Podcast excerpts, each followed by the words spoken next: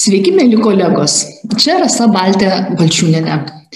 Šiandien mūsų temoje apie tikrumą versle mes šnekučiuosimės su Asta Dėkinienė, Xerox vadovė Baltijos šalims ir Moldovai. O mūsų tema bus apie tikrumą komunikacijai.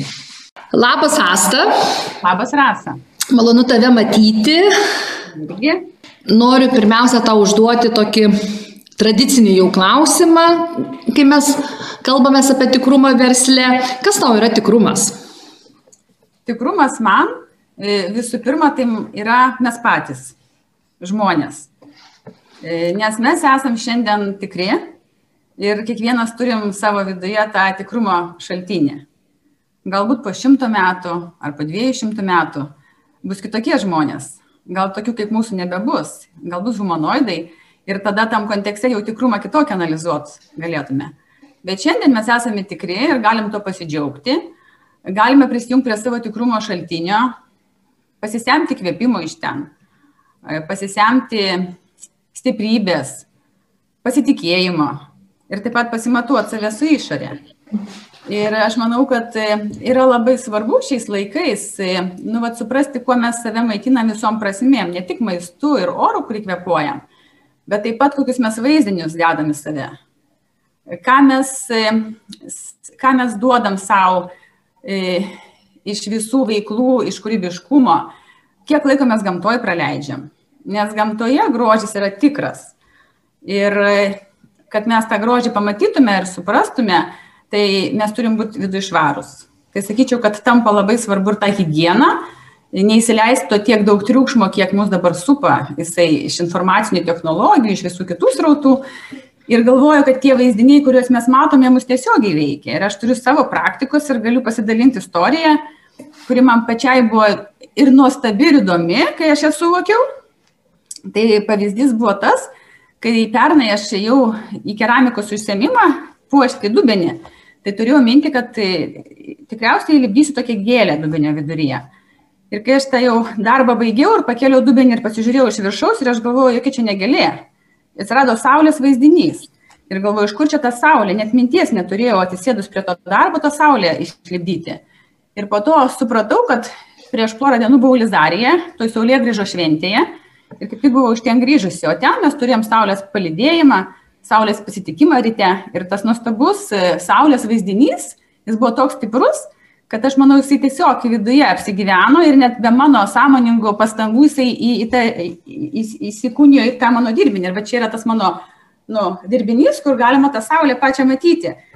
Ir po to aš palyginau kitus keramikos darbus ir tikrai atradau tų pačių elementų iš, iš tų vaizdinių, iš nuotraukų, kur aš fotografavau gamtoje. Ir aš supratau, kad tie visi vaizdiniai ateina iš tai, ką mes į save dedam. Tai bet vienas patyrimas per keramiką, kitas patyrimas buvo per piešimą, kai mes logotipą kūrėm ir turėjom uždavinį eiti į gamtą, fotografuoti gražiausias detalės ir po to spontaniškai liejom spalvas. Ir buvo nuostabu su, suvokti, kai tie elementai, spalvos atsikartoja mūsų piešiniuose, lyginant su nuotraukomis, kurias mes padarėm. Tai aš manau, man tuos patirtis, nu taip atvėrė tokį suvokimą gilų, ant kiek tie vaizdiniai mus veikia ir ant kiek mes po to transliuojam tos vaizdinius arba tas e, kūrybinius savo rezultatus į išorę, priklausomai nuo to, ką mes į save dedame.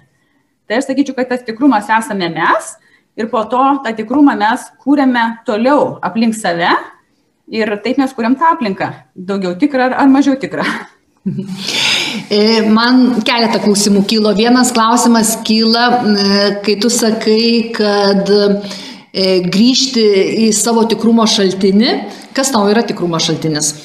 Man tikrumo šaltinis tas yra vat, viduje e, jausmas, su, suvokimas, vat, kas man yra, e, kas teikia man tą džiaugsmą vidinį, kas man teikia savirealizaciją, kas man teikia įkvėpimą. Vat, tas vidinis toks tikras jausmas, kad, kad tai man yra gerai, kad vat, tos emocijos kyla iš vidaus, tos tikros ir, ir, ir tokios, nu, va, džiuginančios jo. Kad tai, tai nėra abejonių, kad tai yra teisingas. Visas kūnas e, tada pasijungia į tą pajūtimą ir tiesiog kūnų jauti, kad vat, tai, yra, tai yra tas, tai yra man. Kai man pasirodė, tu pasakoji apie tai, kaip galima aplinkoje, apie gebėjimą aplinkoje matyti tikrus dalykus. Ir kaip aplinkoje matai tikrus dalykus, juos įsileidi savo vidų, tai tu ir kuri tikrus dalykus. E, tai noriu toliau tavęs paklausti, tu esi kelių kompanijų direktorė, ne? E, gyveni labai aktyvų gyvenimą ir tavo darbas yra susijęs su technologijom. Tai man labai įdomu yra, kaip tavo tikrumo, suopračio E, suopračio filosofija atsispindi tavo veiklose. E, vieną akcentą, kurį tu pasakei, kad labai yra svarbu e, žiūrėti, kokius vaizdinius įsileidi iš išorės, nes, nes jie iš principo ir struktūruoja, kokius mes sprendimus darom, kokias išraiškas kūrėm. Taip, tai iš savo patirties tokios darbinės galiu pasidalinti gal irgi keletų tokių elementų, kuriuos aš naudoju ir kuriuos jaučiu, kad jie yra veiksmingi. Tai sakykime, bendravime su žmonėmis. Tai darant pristatymus aš naudoju taip pat daug tikrų elementų. Tarkim, jeigu mes darom pristatymus ir reikia ten, tarkim, e, daryti prezentacijas, aš naudoju arba nuotraukas, kurias pačias pati fotografavau gamtos elementus, arba tam tikrus piešimo elementus, kuriuos pati sukūriau ir kuriuose yra įdėta energija, idėja ir tada tas dalykas nu, visiškai kitokią duoda emocinę e, tokią užkrovą e, tam pačiam pranešimui arba diskusijai. Kitas dalykas tai yra apie atgalinį ryšį. Aš manau, kad labai yra svarbus dalykas versle, tai duoda teisingą atgalinį ryšį, tokį tikrą. Ir čia galiu papasakoti istoriją, pakankamai tokia šviežia, kai aš dalyvavau vienam seminare ir man tas seminaras patiko ir aš santrauką to seminaro padariusi pasidalinau su savo partneriais. Ir tiesiog partneriams parekomendavau pabandyti susirinkti apie save atgalinį ryšį iš jų draugų, kaip jie pristatytų tą žmogų kitiems žmonėms, kurie jo nepažįsta. Nu, sukurta apie trumpą istoriją. Nu, ir aš pati gavau iš vieno iš tų žmonių tokį prašymą. Sako, Asta, nu, va, tu mes paprašy, sako, būk gera, parašyk tu man apie mane tą istoriją, nes sako, tu mane pažįsti. Nu ir galvoju, parašysiu, po to sėdo aš tą istoriją kurti ir supratau, kad tai nėra labai lengva padaryti, nes tam, kad žmogui duoti gilų, atgalinį, tikrą ryšį, reikia labai išjausti. Ir man tas procesas buvo toks, kad aš iš tiesų pradžioje jaučiau kūną vat, apie tą žmogų, kokie jausmai ateina, nes aš jį pažįstu 15 metų. Tada aš rašiau žodžius, kurie man ateina apie tą žmogų galvojant ir iš tų žodžių dėliau sakinius ir, ir, ir gimė istorija. Ir iš tikrųjų gimė istorija įdomi ir graži ir tokia jinai gili apie tą žmogų patį. Ir aš ją, ją jam išsiunčiau. Ir kitą dieną su juo kalbant telefonu, jis man labai padėkojo, jis labai džiaugiasi iš tą istoriją gautą ir paprašė pasidalinti linketinę jo šitą istoriją. Ir aš ją pasidalinau. Ir pa žmogų buvo visai kita energija, jis buvo labai toks, sakyčiau, nu, pozityviai nusiteikęs, netgi pradėjo apie tokį projektą pasakot, kurio iki tol neturėjo. Ir tas projektas va čia savaitę jau realizuojasi užsakymą, pakankamai didelio nu, įrenginio. Ir aš pagalvojau, kad tie dalykai yra labai susiję. Ir labai yra svarbu žmonėms versle tą duot atgalinį ryšį, tokį teisingą, bet tuo pačiu ir gilų ir tikrą, kad tai būtų apie jį, ne bendrai apie kiekvieną, bet apie jį su tai tam tikrais nu, elementais, kurie atspindi ir jo stiprias pusės, galbūt ir silpnesnės pusės, bet tai, kad jam tai būtų tikra. tai čia vienas pavyzdys, nes tada žmonės, manau, kad tą vertina ir taip pat jiems suteikia įkvėpimo veikti, energijos didesnės ir noro. Ir manau, kad taip pat emocinį ryšį formuoja tarp žmonių. Aš kaip dabar tavęs klausau, tai aš girdžiu, kad mes pradedam kalbėti apie tikrumą komunikacijoje. Ir pirmas tavo pasakojimas, pirmas tavo pasakojimas buvo apie tai, apie tikrumą komunikacijų su aplinka. Ir kaip mes iš gamtos, iš meno įsileidžiam tikrus mūsų auginančius teigiamus vaizdinius, tada mes juos ir kūriam. Nes komunikacija, ką mes įsileidžiam, tai yra Tai yra bendravimas iš abiejų pusių, ne? Toliau e, tu labai gražiai pradėjai pasakoti apie tai, kad savo prezentacijose, kaip nori perktyti savo idėją, tai irgi yra komunikacija. E, įdomu, koks yra mechanizmas, kaip mes į prezentacijų įdedam tuos pasikartojančius vaizdinius, kur galima sukurti, kur galima sutikti e, ir kitų žmonių komunikacijose. Prezentacijose ir koks yra skirtumas, kaip tu įdedi, įdedi tą tikrą vaizdinį, kuris e, yra iš tavęs atėjęs. Ir matyt, jeigu čia mūsų tarpė būtų neuromokslo e, specialistai, matyt, aiškintų apie tuos skirtingus mūsų smegenų režimo tinklus, kuris vienas yra automatinio režimo, kitas yra patyriminio režimo.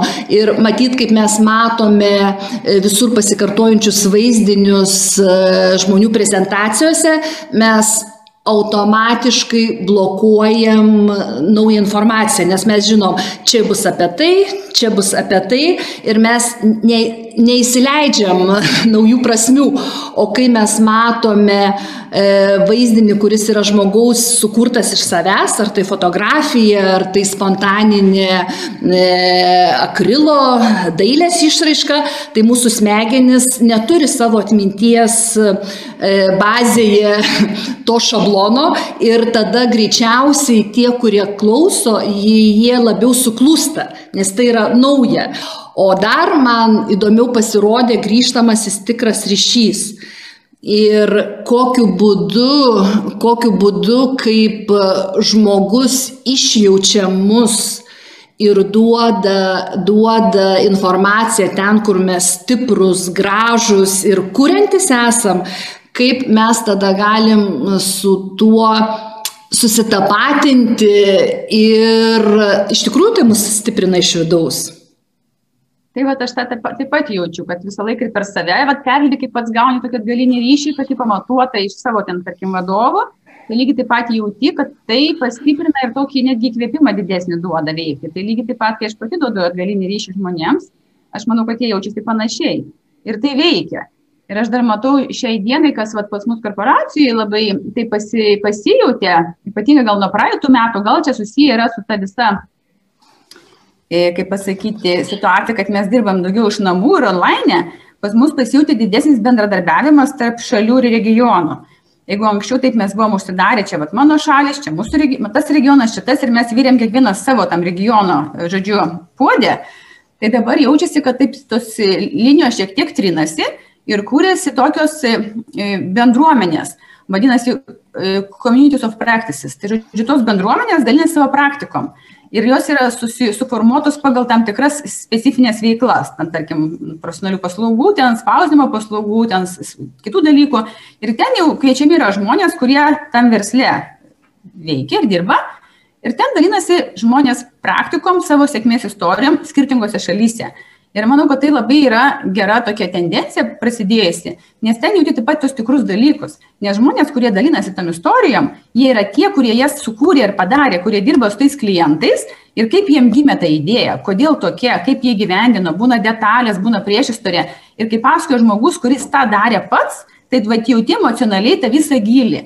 Ir aišku, iš karto ateina suvokimas, kad e, atėjo laikas e, žymiai gilesniam santykiu su, su klientais ir kad norint tai toliau verslą vystyti kitam kontekste, kitam lygyje, tai ryš, gilus ryšys su klientu yra kertinis.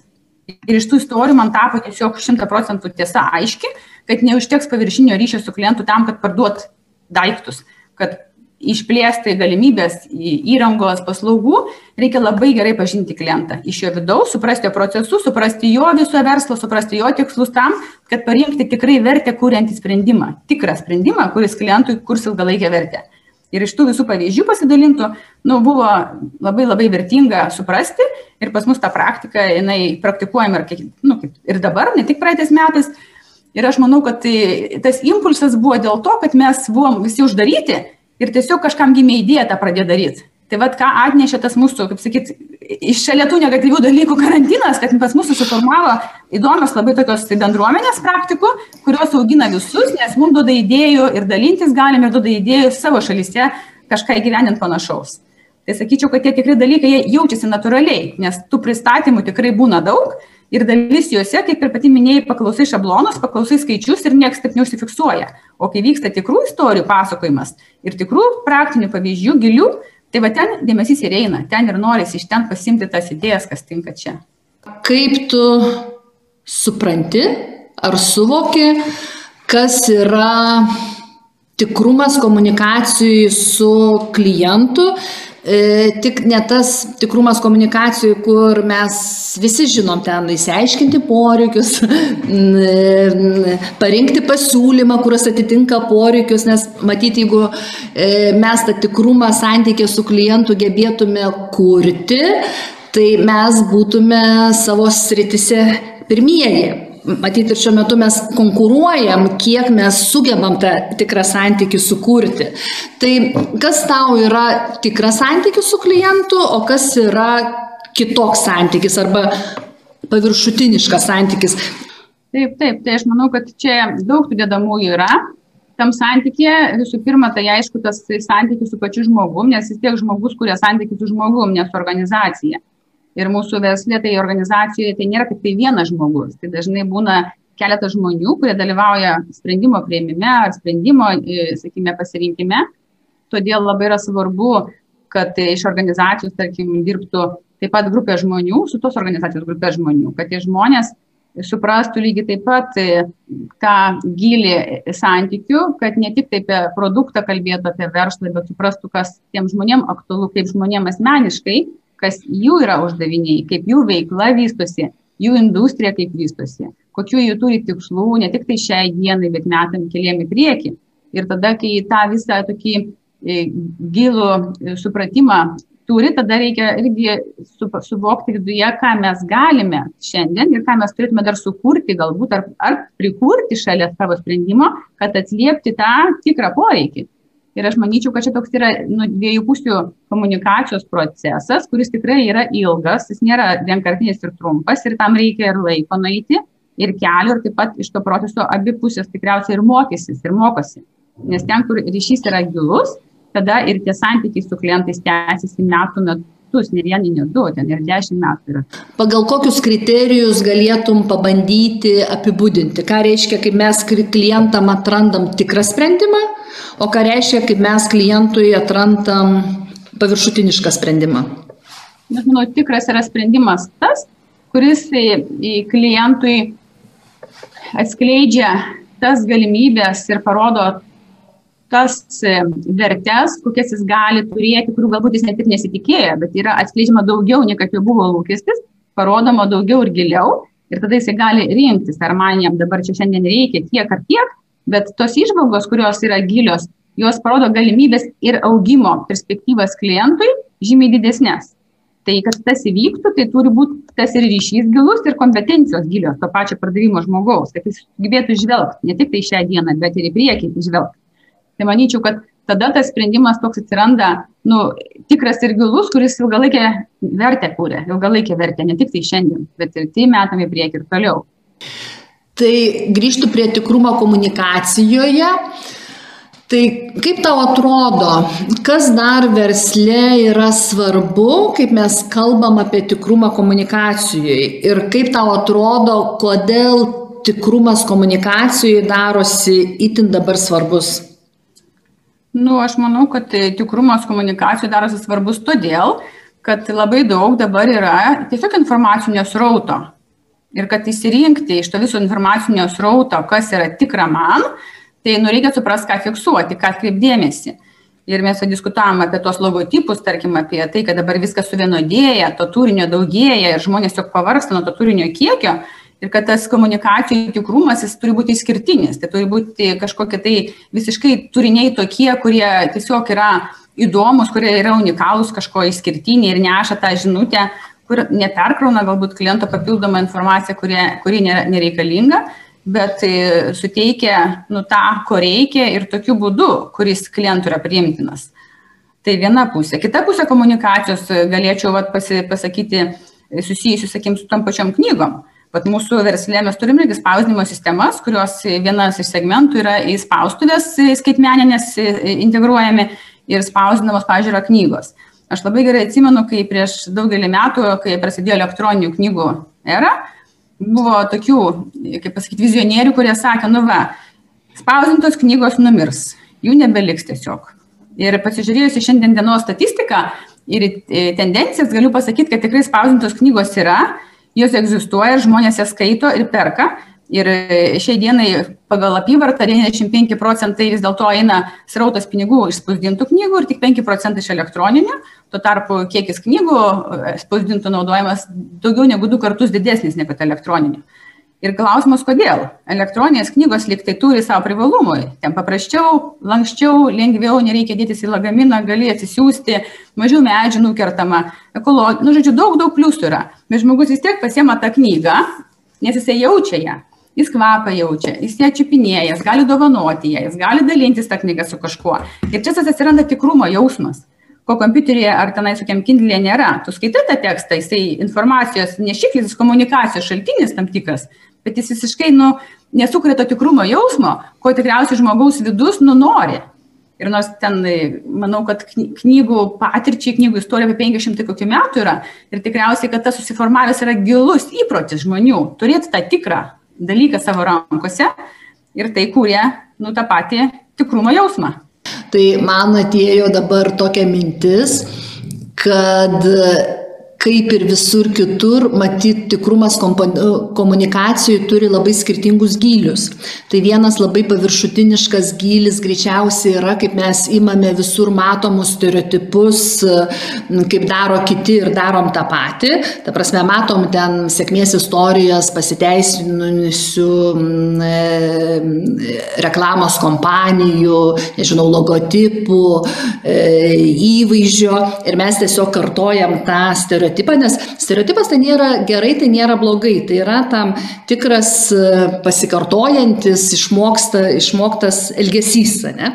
Tik tai mūsų smegenys dabar antiek daug yra tos pasikartojančios e, informacijos, kad jos blokuoja tos stereotipus, jau mes nebenorim to pasikartojimo. Turbūt kitas gylis yra kaip organizacija atranda, kokiu būdu savo produktą um, pristatyti, kaip yra iš tikrųjų, nemanipuliuojant, nesukuriant tam tikrų nebūtų legendų. Ir, ir tada klientas pradeda tiesiog girdėti, kaip yra. O dabar dar atėjo viena mintis, kad greičiausiai dar tas dar vienas gylis yra savitos prie mūsų produktų e, priderintos istorijos ir tikros išgyventos atrastos istorijos. O dar vienas gylis, kaip man dabar atrodo, jeigu tu per įmonės komunikaciją sužinai, e, kas tave augina, vysto. Matyti, jeigu per e, tikrumą komunikacijoje tu žmogui parodai tam tikrus kampus, aspektus, kurį jį vysto kaip žmogų, tai jis tikrai tą produktą atsimins, galbūt jis ne iš karto jį įsigys, bet jis jį jau atpažins. Tai man dabar atėjo tokios mintis apie tikrumą komunikacijai.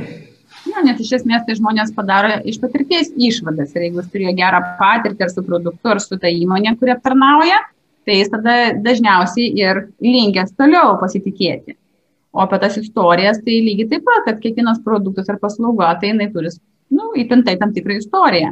Ir istorijos tai tai, kas parduoda tą produktą.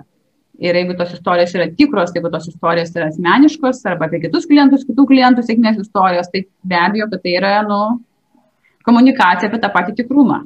Nes tikrus dalykus žmonės nu, skiria, nebent jau žmonės labai užsiteršia informacinių srautų ir visiškai nejaučia savo vidaus ir nežino, kas tikra, kas ne jiems bet tie žmonės, kurie tikrai tą vidų savo jaučia ir, ir žino, kas yra tikra, tai manau, kad jie tikrus dalykus ir renkasi. E, dar noriu tave pakviesti pakalbėti apie tikrumą komunikacijai organizacijos viduje. E, vieną pavyzdį tu labai gražų papasakojai, kaip yra svarbu tikras grįžtamasis ryšys, nesuvaidintas. Kas dar yra svarbu, kalbant, galvojant apie tikrumą komunikacijoje organizacijos viduje? Kaip tu jauti iš savo praktikos, iš savo patirties, ką esi suradusi, supratusi? Nu, aš manyčiau, kad labai yra svarbu komunikuoti tuos dalykus aktualius žmonėms reikiamų laiku, kad informaciją žmonės gautų nu, prieš faktus, o ne po faktų Antras dalykas, e, ką vat, parodė praeitį metai taip pat, kad e, pasikeitė komunikacijos labai stipriai kampas. Jeigu ten anksčiau daugiausia komunikacija buvo nu, apie tenais mus, apie ten tikslus, apie planus, apie rezultatus, tai pernai persijungė labai stipriai žmogų, nes atėjo ta, kas atėjo ir žmonės pasidarė jautrus ir pasidarė nu, visiškai kitos vertybės pasidėlioja. Ir tada visų komunikacijų pirmiausia buvo klientai darbuotojai, po to jau buvo produktai, pardavimai, rezultatai. Tai pasikeitė tiesiog komunikacijos, sakyčiau, žinutės pačios. Visą laiką būdavo kaip jūs, kas pas jūs naujo, kaip jūs laikotės, kaip jūsų sveikata, žodžiu, buvo pradžio žmogus. Ir tai, manyčiau, nu, labai toks pozityvus virsmas ir ta komunikacija iki šiol yra į žmogų orientuota žymiai stipriau. Ir tie tikri dalykai, tai dalinimasis tiesiog tom tikrom patirtim ir kiekvienas komunikuoja apie tai, kas jo yra regione. Pirmiausia, apie žmonės, tada apie klientus ir tada jau apie produktus ir apie verslą. Tai vad, sakyčiau, kad pasikeitė komunikacijos kontekstas ir kad žmogus tapo centru, darbuotojas labai svarbus, pasijūtė šitam komunikacijos kontekste. Labai svarbu, kad žmonės, kurie dirba, jie save realizuotų. Nes kai vyksta žmogaus savirealizacija, tada jaučiasi visiškai kitokie, jo įsitrauk, kitoks jo įsitraukimas, jaučiasi rezultatai kitokie, džiaugsmas, dalinimasis ir tiesiog žmogus spinduliuoja tą ir energiją ir, ir, ir taip pat nori dalintis ir, žodžiu, kyla visai kitas, sakyčiau, tikrumo jausmas. Ir kai žmonės, kai kurie yra, pavyzdžiui, nu, arba pavargę, arba tiesiog, nu, ne savo toj vietoj, tai tada būna jiem ir žymiai sunkiau tą rezultatą kurti. Ir taip pat jie galbūt negali tos savirealizacijos iki galo realizuoti, kaip užstrigimas toks būna. Tai vad turiu pavyzdžių ir tokių, ir tokių, ir dėl to manau, kad labai svarbu yra savirealizacija. Nes joje gimsta tikri dalykai, kai žmogus savirealizuoja iš tokios savo tikros vidinės e, būsenos, tai manau, kad jisai sukuria daugiau vertės, sukuria geresnius rezultatus ir tikrai tikrų dalykų daugiau. Kaip tau atrodo, pagal ką galim atpažinti žmogus, e, žmogus organizacijai realizuoja save ar nerealizuoja savęs? Pagal ką tu atpažįsti? Aš tai atpažįstu pirmiausia tai pagal tą jo būseną ir pagal rezultatą. Nes aš, pavyzdžiui, bet, tai pažįstu tikrai ne vien, nu, vieną tokį konkretų žmogų, kur dar irgi bendraujam. Tai iš esmės žmogus kažkuria savo laiku darė rezultatą, o paskui staiga rezultato nu, sumažėja arba nelieka jo įsitraukimas kitoks. Ir ryškiai žmogus perauga savo poziciją ir reikia kažko kito jam. Ir tol, kol jis nepriema sprendimo, sprendimo priimti, nu ne kiekvienas ten iškart gali taip spontaniškai priimti, kažkas laukia, kažkas dėlse, tada tiesiog rezultatai jie nu, nukrenta, žmogus nebūna toks patenkintas, kartais ir nelaimingas. Ir man tai yra požymė, kad žmogus yra užstrigęs, kad tiesiog savirealizacija nebevyksta. O tie žmonės, kurie save realizuoja, tai pas juos rezultatai auga ir jie patys yra nu, labai gerai būsinai. Ir jie dalinasi. Tai aš manyčiau tokie vad, nu, požymiai, pagal kuriuos aš sprendžiu, kad jie yra augantis. O kas tai yra tikrumas technologijose. Suprantu, kad klausimas skamba keistai, tačiau žinau, kad tu esi šitos ryties profesionalė ir kaip tu va, dabar pokalbė su manim pabandytum išskirti, kas yra e, technologijose tikra, o kas yra paviršutiniška, nu, arba ne visai tikra, ne? Kas technologijose tikra žiūrint iš technologijų kuriejų pusės ir iš technologijų vartotojų pusės ir kas yra paviršutiniška ne visai tikra. Nu, tokia tema čia gili iš tiesų. Nu, galiu, galiu pakomentuoti taip, kad vis tiek tos visos informacinės technologijos ir komunikacijų technologijos, jos keičia žmonių įpročius, poreikius ir netgi vertybės. Ir nu, reikia suprasti, kad e, tas technologijų progresas tiesiog mus keičia. Ir tada atsiranda toks e, klausimas, ar mes norim keistis, ar mes nenorim, nes yra skirtingi žmonės. Vieni mato tas technologijas kaip priešus, nes jiem reikia keistis ir jie priešinasi ir jie pyksta. Kiti žmonės tas technologijas pasiema ir su jomis nuvažiuoja ir padaro, sakykime, nu, kaip sakyt, nebūtus dalykus realizuoja. Tai aš sakyčiau, kad technologijos suteikia mums galimybės, tos technologijos, kurios mums palengvina darbo procesus, kurios pagreitina, efektyvina ir mes jaučiam tą vertę per save, tai sakyčiau, kad tos technologijos yra tos, sakykime, nu, taip tikros, kurios mums padeda aukti, kurios mums padeda verslus plėsti kitas aukštumas. E, o tos technologijos, kurios yra sukurtos kaip galimybės, bet mes gal nerandam pritaikomumo dar šiandien, tai mums šiuo atveju iš mūsų, kaip šios dienos konteksto, gal mums jos dabar nėra reikalingos, tai galim sakyti, nu mums jos dabar netikros, nes mums to nereikia, bet gal rytoj ateis tas laikas ir mums jų reikės. Taip kad reikia, manau, atsirinkti ir galvoju, kad technologijos tai jos visada e, bus kažką greunančios ir kažką kūrenčios. Nes taip pat ir ta skaitmeninė visa transformacija, jinai lygiai taip pat spausdintus dokumentus jinai mažina srautą, nes atsiranda elektroninių dokumentų era. Ir atsiranda su, su tais elektroniniais dokumentais visa eilė kitų iššūkių, ten saugumas, pritaikomumas ir, ir dalinimasis ir panašiai. Taip pat ir, kaip minėjau, tas pačias knygas arba elektroninės visos platformos, kiek atsidarė elektroninių parduotuvių tai galima vertinti, ar tai yra gerai, ar tai blogai, ar tai tikra, ar tai netikra. Tiesiog tai vyksta ir arba mes ten esame ir iš to kūrėme naujas vertės klientams ir savo, arba mes galim sėdėti priešintis ir pykti ant tų technologijų.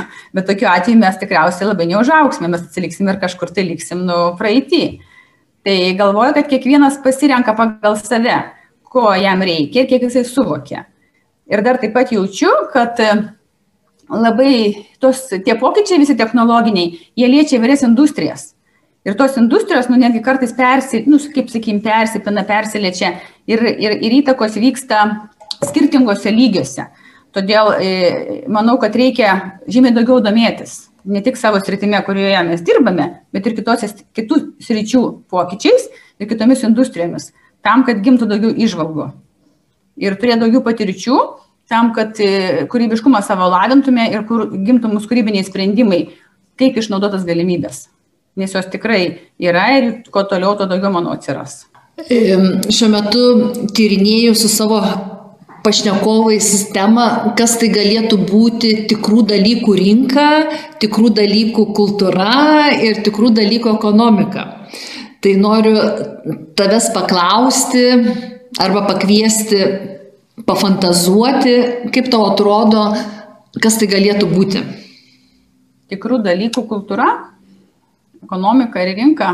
Tai tie dalykai tikri, kurie kūrė nu, tą tikrą vertę mums. Nes jeigu mes apklaustume ten kur šimtą žmonių, tai gali būti, kad mes gausim šimtą skirtingų atsakymų, kas yra tikras dalykas konkrečiam žmogui. Tai manau, kad visų pirma, tai tikriausiai tie dalykai, kurie mus augina, tie dalykai, kurie mums suteikia galimybės auginti verslą, kurti vertę klientams ir per tai tiesiog kurti nu, geresnę visą aplinką. Tai vienas toks dalykas yra. E, kitas dalykas, tai manyčiau, turėtų būti tas elementas, kad netitolt labai toli nuo gamtos, nes norint, nenorint, žmonės vis tiek yra gamtos dalis. Ir tie tikrai dalykai, jie nu, neturėtų greuti gamtos ir neturėtų greuti tos aplinkos, kurioje mes gyvenam. Jie turėtų taip pat, kaip pasakyti, stiprinti ją, prisidėti prie jos ir palengvinti žmonėms gyvenimą, suteikiant naujų galimybių. Tai galvoju, kad vat, tie tokie vertybinė prasme du kontekstai. Tikiu kad tos atsinaujinančios visos energetikos kur ten saulės visos baterijos ir tie vėjo malūnai tai vat jie yra kaip sakyt tie nauji dalykai kurie gali kurti tą tikrą ekonomiką negriaunant ir neteršiant aplinkos. Atsiranda sakykim ta dalinimosi ekonomika kur galima tarp žmonių dalintis dalykais kur galima tarkim ten kurti naujas technologijas kaip elektromobilius ar ten kitas kurios taip pat e, nutausoja gamtą Tai aš sakyčiau, čia yra tokie tikri dalykai, kurie išsaugo tą tikrumą pamatinį ir taip pat kuria funkcionalumą reikalingą žmonėms. Manau, kad vartojimas yra vienas iš tokių dalykų, kur ateis momentas, kai žmonės apie jį pradės daugiau kalbėti, nes kažkada esu klausiusi tokį pranešimą, kuris sakė, kad po ten tokių 10-20 metų, kai bus Žemėje 10 milijardų gyventojų, norint, kad kiekvienas gyventų ir vartotų taip, kaip vidutinis amerikietis, reikės 4,5 žemės rutulių. Ta prasme, kad tai bus tas etapas, kai mes tiek nebeturėsime, kiek, kiek norėsime. Tai klausimas, kur tas perteklinis vartojimas yra ir kur ta tikroji ekonomika, kiek mums iš tiesų reikia. Ir kaip mes galim kur dalykus, nu, kurie būtų tiesiog funkcionalūs. Kažkada tai mes čia su keletą žmonių diskutavom apie tai, jeigu būtų tikrų dalykų ekonomika, sumažėtų pats vartojimas ir ar sumažėtų pajamos pačios, kur mes gaunam iš vartojimo. Tai mes priejom išvados, kad greičiausiai pajamos jos nesumažėtų, jeigu būtų tikrų dalykų rinka, tikrų dalykų ekonomika, mes tiesiog vartotume aukštesnės kokybės produktus, kurių aišku ir kainos yra geresnės ir turbūt mes daugiau galėtume leisti savo, ko dabar neleidžiame iš kitų veiklų, ne, nu ten pavyzdžiui, nežinau, kelionių daugiau ten ar dar kažkas tai. Tai nes kai kada susikuria tokia iliuzija, kad jeigu jau mes ateitume iki tikrumo, tikrai sumažėtų vartojimas, sumažėtų pinigai ir mes va to labai visi bijom. Bet iš principo greičiausiai pinigų srautai tai nesumažėtų. Manau, kad jie tiesiog persiskirstytų ir būtų į kitas galbūt nukreiptas tenais vietas ir sritis. Antras dalykas pasikeis, galėtų ten galbūt įpročiai žmonių, pasikeis galbūt ten tas gyvenimo būdas. Ir manyčiau, kad toks, nu, tobulėjimas, nu, toks, kaip sakyt, persvertimas į kitą lygį visuomenės, nes dabar vis tiek, nu, e, egzistuoja ta vartojimo labai stipri ekonomika ir, kiek ten tuo vartojimo iš tiesų yra funkcionalaus, o kiek yra perteklinio, sunku pamatuoti, bet jo tikrai yra. Ir tas vat, pajamų skirtumas, kai diskutuoja tarp šalių, arba tas vat, vertinimas pagal tą vidaus produkto augimą. Tai vėl mesgi turėjom tam pokalbį, kai yra šalis, kurios matuoja tą laimės koeficientą, tą rodiklį, ne tik tai tą nu, bendrą vidaus produkto augimą. Tai viskas paremta ant to, ką matuoji, tą ir turi. Kai pradeda šalis matuoti kitus rodiklius, tikriausiai kiti rodikliai verčiasi. Labai susiję dalykai nuo to, ant ko, ant ko sukasi pati ekonomika. Kažkada buvo sukurta ant vartojimo, ant, ant augimo. Klausimas, ar tas augimas gali būti begalinis Klausimas, ar nereikia perskirstyti ant tų tikrų dalykų, galbūt ant, ant kitų prioritetų, nes e, žmogus vis tiek turi poreikius tam tikrus. Ir kai jis juos patenkina, tada atsiranda poreikiai ten savirealizacijai, kūrybai ir taip pat gali nukreipti savo potencialą nu, veiklom, kurių galbūt dabar nedaro, o tik tai vėl toliau kūrė tą patį ekonominį variklį suką. Tai manyčiau, kad čia tikrai potencialo augimo yra daug į kitą lygį. Dar noriu grįžti į mūsų pokalbio pradžią ir e, labai daug energijos jautėsi, kaip tu kalbėjai apie vaizdinius, ant kiek tai yra svarbu mūsų gyvenime. E, gal tu gali pailustruoti, kodėl tai yra svarbu ir kokių savo atradimų tu esi atradusi? Nu, svarbu todėl, kad jie, aš manau, mus nu, ir, ir, ir maitina, ir programuoja tam tikriem dalykam. Pagal tai mūsų savijauta keičiasi. Aš, pažiūrėjau, savęs jaučiu, kad, nu, visiškai yra skirtumas, e, e, kokius ten vaizdinius žiūri, kokius ten, sakykime, filmus žiūri, arba į gamtą kiek išeini, arba kai muziką klausaisi. Tai va jaučiasi tą vidinę būseną. Ir aš galvoju, ne veltui dabar irgi vat, visam tam kontekste labai didėja tų visų tokių samoningumo mokyklų, praktikų, meditacijų, kvepavimo pratimų savie grįžimo tam, kad žmonės tiesiog nu, prisijungtų prie savęs. O tie vaizdiniai lygiai taip pat, jie tą patį padeda padaryti. Jie padeda tiesiog prisijungti prie savo to vidinio, e, to šaltinio tikrumo ir, ir jame pabūti. Nes tiesiog tai na, tas pats grožis, pavyzdžiui, gamtoje. Juk gamtoje grožis yra tikras. Tai va tą tikrą grožį, kai mes įmame, tai mes patys viduje save prisipildome. Mes tada patys augame, didėjame, mums to kūrybiškumo atsiranda, noro kažką tai daryti kitokio, naujo. Ir aš manau, kad tai yra susijęs su žmogaus augimu. Nes kiekvienas žmogus, nu, jisai kuriejas yra. Nes žmonės kaip turi tą instinktą išgyventi ir jeigu išgyvena, tada kurti.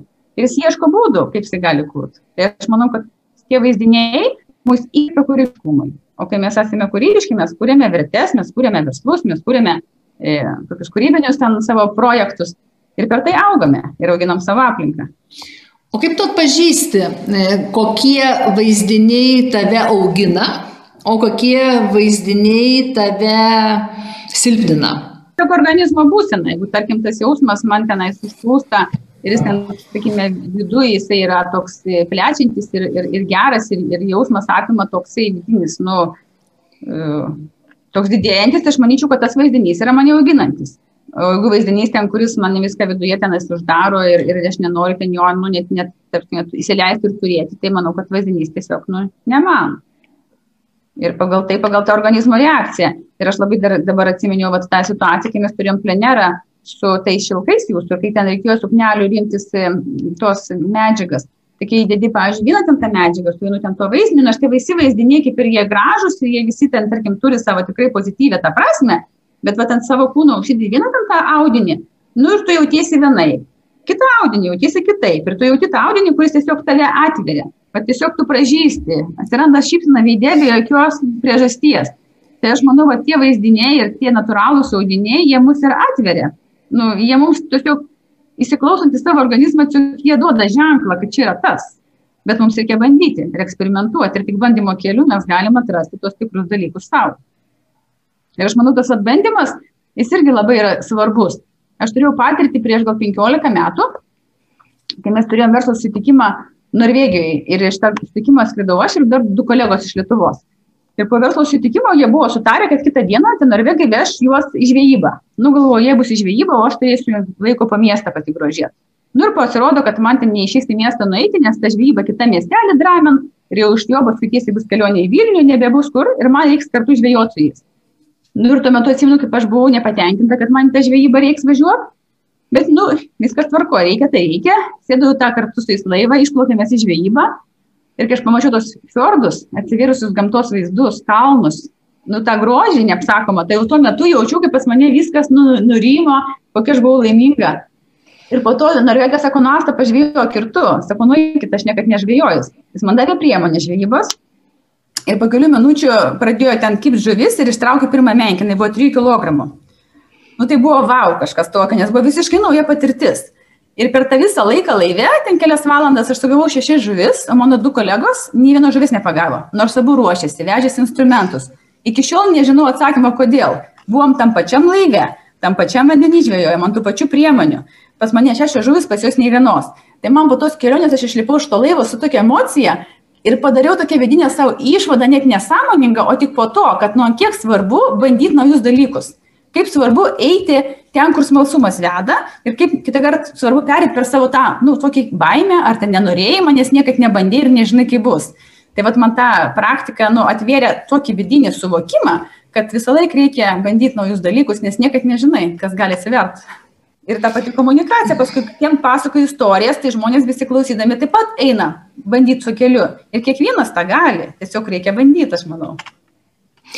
Man dabar dar ateina mintis, kad mes dabar kalbam apie tikrumą komunikacijų su savimi. Taip. E, dažniausiai mesgi komunikaciją suvokiame santykėje su kitais. E, ir kaip tu pasakoji istorijas tiek su žvejyba, tiek su, su e, meno patyrimu, tai pirmiausia matyt komunikacija ir prasideda nuo to kiek aš girdžiu savo vidinius impulsus savo savasties impulsus ir kiek aš gebu juos išreikšti neužblokuoti bet kiek aš gebu išreikšti. Ir matyt, šių dienų tokia viena esminių kompetencijų darosi pajauta, nes informacijos yra labai daug, triukšmas labai didelis yra. Kai mes kalbam apie vaizdinius, kurie augina, nebūtinai kurie vaizdiniai augina, kad jie ten turi būti rožytės, bantukai, ten, nu, vienu žodžiu, infantiliška euforija, ne, mus gali auginti ir tie vaizdiniai, kur yra tam tikras išgyvenimas, bet mūsų kūnas pasirenka, mūsų pajūta pasirenka iš to informacinio srauto, kas mums tinka, kas netinka. Ir kuo toliau, tuo labiau suprantu, kad pajūta, aišku, turbūt racionaliam žmogui tai keistai skamba, bet tai darosi viena, viena iš svarbesnių kompetencijų ir pajūta tai yra tikras santykis su savimi. Nu jo nes per tai paskui gimsta patyrimas ir kaip tu pats tą išgyveni tą tu gali dalintis su kitais nes kol tu to neišgyveni tai tas toks dalinimasis būna nu vat toks kažkoks kitoks o kai tą pats praeini tada norisi dalintis ir ta ta komunikacija jinai irgi nu įgauna kitą gylį sakyčiau ir netgi po tų visų piešinių ar ten tų fotografijų gražių po to noras yra pavyzdžiui dalintis tom užrašų knygutėm su kitais nu linkėti dėti prezentacijas kažkokius tai daryti sveikinimus su tais elementais tų kūrinių. Ir tai manau yra komunikacija nes mes per tuos dalykus per tuos vaizdinius ką mes dalinamės ką mes e, dovanojame mes taip pat komunikuojam. Tam tikrą žinutę tam tikrą istoriją tam tikrą nu energiją įdedam į tą pastiprinimą. Ir aš manau kad tai taip pat yra komunikacija ką mes iš mūsų pokalbio, kokias išvalgas išsinešam, kaip galvojam apie, apie tikrumą komunikacijui. Iš principo tai gavosi plati tema ir matyt, kiekviena iš mūsų e, tam tikrą išvalgą savo išsinešam. Tai pabandom gal apibendrinti. Nu, tai manyčiau, kad kaip ir pradėjau, kad tikrumas vis dėlto tai esame mes patys ir kai mes patys save jaučiame, prisijungiam prie savo to vidinio šaltinio, mes save stiprinam vaizdiniais, kurie mus didina, augina, tada mes ir į išorę ištransliuojame per savo kūrybą, per savo rezultatą, per savo veiksmus tuos tikrus stiprinančius dalykus. Ir kai mes e, tą turime, tada mes ir realizuojam savo potencialą, nu, vat, tokiu būdu duodami nu, tikrus dalykus kitiems. Ir tada mes patys augam ir kitus auginam tai aš manyčiau kad tie dalykai tarpusavy susiję. Mes nesam atskirti kaip izoliuoti individai. Mes esam aplinkoje mes funkcionuojam mes dalinamės mes keičiamės ir mes taip pat nu kaip sakiau ir paimam ir kuriame nes mes esame kūrėjai. Taip kad nuo mūsų pačių priklauso ką mes susikursim aplink save ir kokią turėsim gyvenimą ir aplinką. O man, o man išsigrynino, kad E, tikrumas komunikacijai prasideda nuo tikrumo santykyje komunikacijos su savim ir tai yra mūsų pajauta, kiek mes gebam e, save girdėti ir per pajautą išreikšti ir tuos dalykus po to e, įdedam į komunikaciją su kitais ar per prezentaciją su savo sukurtais dalykais ar per istorijų pasakojimą, kur mes patyrėm santykį su savimi ir po to atreflektavom ir kitiems papasakojom, ar mes per, per pajausdami savo kūną išjautėm kitą ir jam davėm grįžtamą ryšį, ar mes pajaučiam e, kas greitų laikų vyks klientų rinkose ir išjaučiam tą jo tikrą poreikį, E, ar mes, ar mes pajaučiam tikrą santykį su aplinka, kas mus viduje skleidžia, daro didesniais, ar kas mus skatina susitraukti ir mes darom tinkamus pasirinkimus. Matyt, nėra teisingų, neteisingų vaizdinių, teisingų, neteisingų e, sprendimų, yra tinkamas momentas, tinkamas laikas būtent man čia ir dabar. Ačiū taip, jau rasiu. Tai ačiū tau labai, Asta. Ačiū, Rasta.